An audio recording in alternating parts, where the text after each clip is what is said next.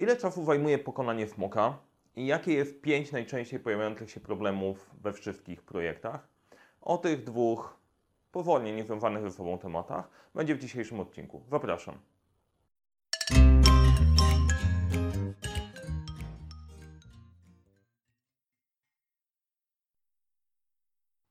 Nazywam się Mariusz Kapufta. Uczę jak rozpoczynać i kończyć projekty sukcesem w świecie, w którym brakuje czasu, brakuje zasobów i napotykasz trudności i przeszkody. I dzisiejszy odcinek będzie właśnie o przeszkodach. O pięciu zwiastunach porażki projektu, które chcesz wypatrzeć jak najszybciej i zareagować odpowiednio, żeby nie wpakować się w problemy. Skąd się wzięło pięć akurat tematów? Nie wymyśliłem ich sobie. Firma Vital Smart jakiś czas temu przeprowadziła e, badanie, bardzo ciekawe badanie Silent Fails, które pokazało pięć kluczowych elementów, które powodują, że projekty się wywracają. Dlaczego to badanie się nazywało Silent Fails? Chodziło o to, że bardzo często ludzie, którzy widzą problem, nie powiedzą, że ten problem istnieje w obawy przed autorytetem, poziom wyżej. Dochodziło do katastrof różnych ciekawych, samolotowych między innymi, ponieważ e, drugi pilot bał się powiedzieć kapitanowi, że ten popełnił błąd ze względu na hierarchię. W podobny sposób dochodzi do śmierci pacjentów na fali operacyjnej, kiedy osoba asystująca przy operacji nie powie chirurgowi, że ten popełni błąd. A wszyscy jesteśmy, jesteśmy ludźmi, natomiast tam hierarchia działa tak mocno, że to kończy się tragicznie. Można się nad tym zastanawiać po prostu, ok, dobra, to dlaczego takie zachowanie jest nieracjonalne?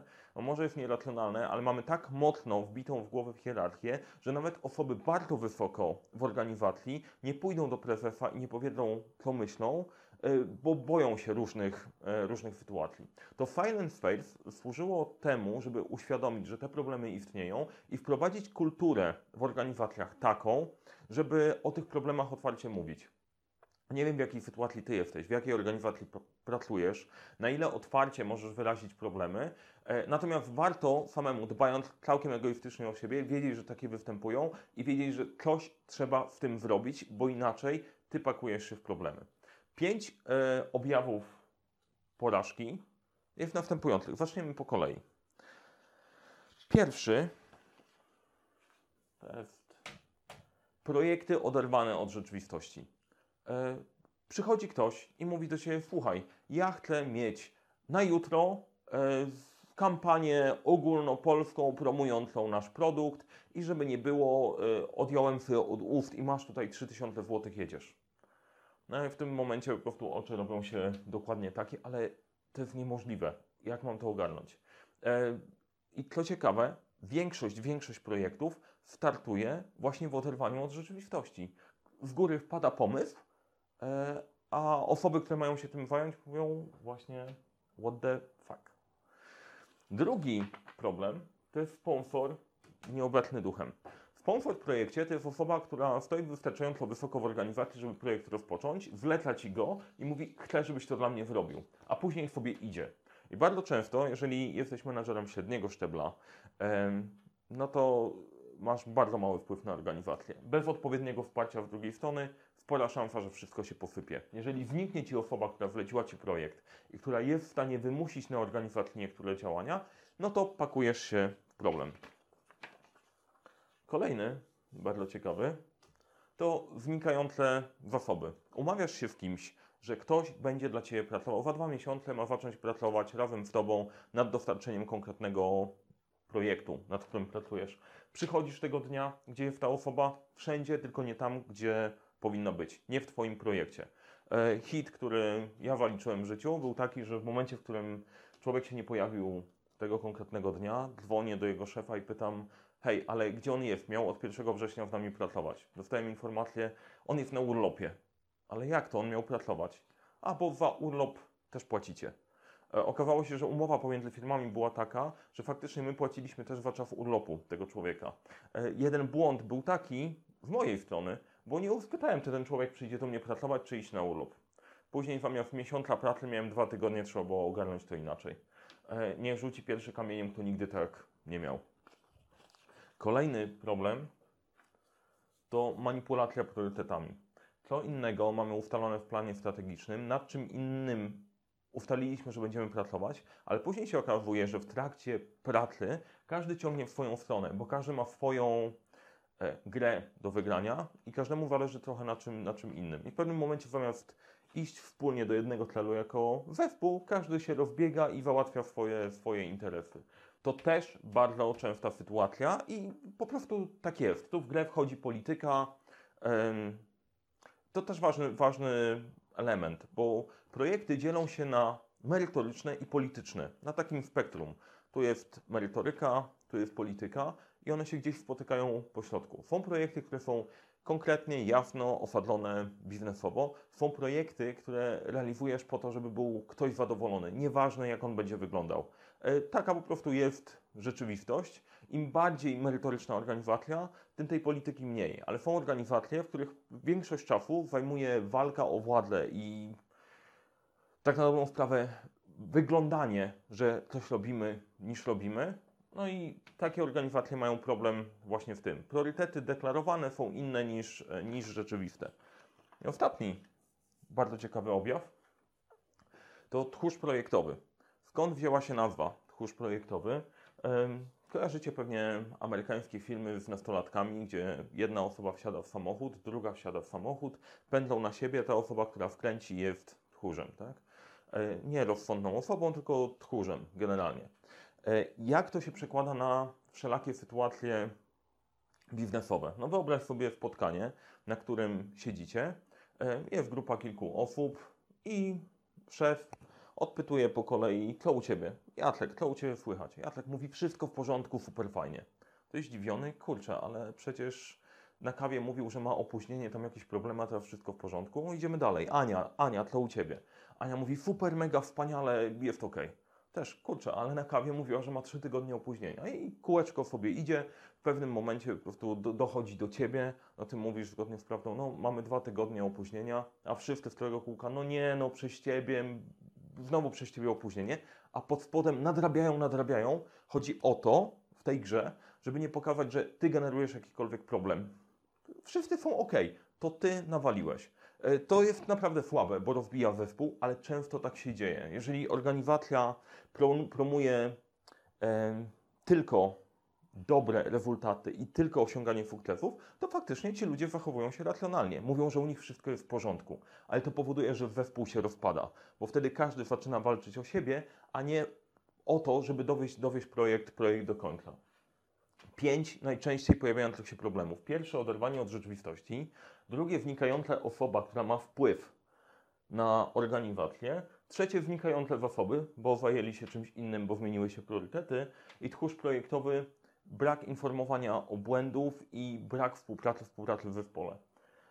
Teraz warto się zastanowić, kurczę, ale czy to się przydarza? Tobie się pewnie nie przydarza, przydarza się wszystkim innym e, osobom, osobom wokół, bo statystyka jest bardzo ciekawa.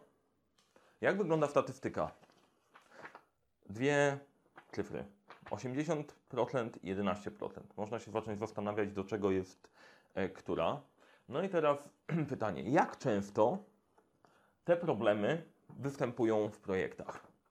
W 11% projektach czy w 80%? A może to całkiem inne losowe cyferki?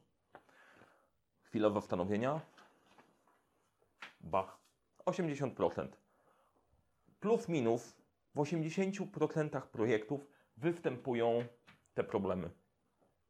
Zaskoczony? Ja byłem zaskoczony, e, ale pozytywnie, e, bo się okazało, kurczę.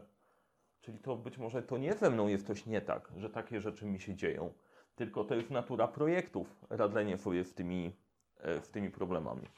Druga cyfra, 11%, co ona może oznaczać? No nie dopełnia się do 100%, więc nie bardzo. 11% jest ciekawsze, bo je, tylko, je, tylko, tylko 11% kierowników projektów potrafi sobie poradzić z tymi problemami. To znowu uśredniając we wszystkich problemach. 11%. Cała reszta bierze to na klatę i próbuje ten projekt, który jest od początku wskazany na poważne trudności, wziąć na własne barki i popchnąć. E, kurczę, fascynujące. 11% potrafi to ogarnąć i dać sobie z tym radę. Dla mnie, jak zobaczyłem te badania, to było po pierwsze, o rany, to jest natura projektów, te tematy tam są. A drugie, jest nadzieja, są ludzie, którzy potrafią sobie z tym poradzić. Ciekawe, nie? E, fajnie być w tych 11%, bo te problemy wcale nie są nierozwiązywane. Są. Wystarczy zadbać o kilka prostych rzeczy, tak naprawdę. Tu mam proste rzeczy. Co jest trudnego? Właśnie. Proste rzeczy są proste, ale nie są łatwe. I to jest trudność w każdej dziedzinie, którą próbujesz opanować. Absolutnie każdą. Jak uczyłem się czegokolwiek, wszyscy, którzy mnie uczyli, czy pływania, strzelania, e, jazdy na rowerze, e, technika, podstawowe rzeczy. Żeby być mistrzem, musisz być mistrzem w rzeczach podstawowych. Na tym buduje się kolejne tematy. Tylko zabawa polega na tym, że proste nie znaczy łatwe, bo wiąże się ze sporymi kosztami emocjonalnymi najczęściej. No, lepiej jest trzymać się status quo niż cokolwiek zmieniać, ale gdyby Ci przyszło do głowy, że e, nie chcesz być w tych 89%, które po prostu cierpią i krwawią po prostu na nie swojej wojnie, no to warto kilka rzeczy podrzucić pod rozwagę.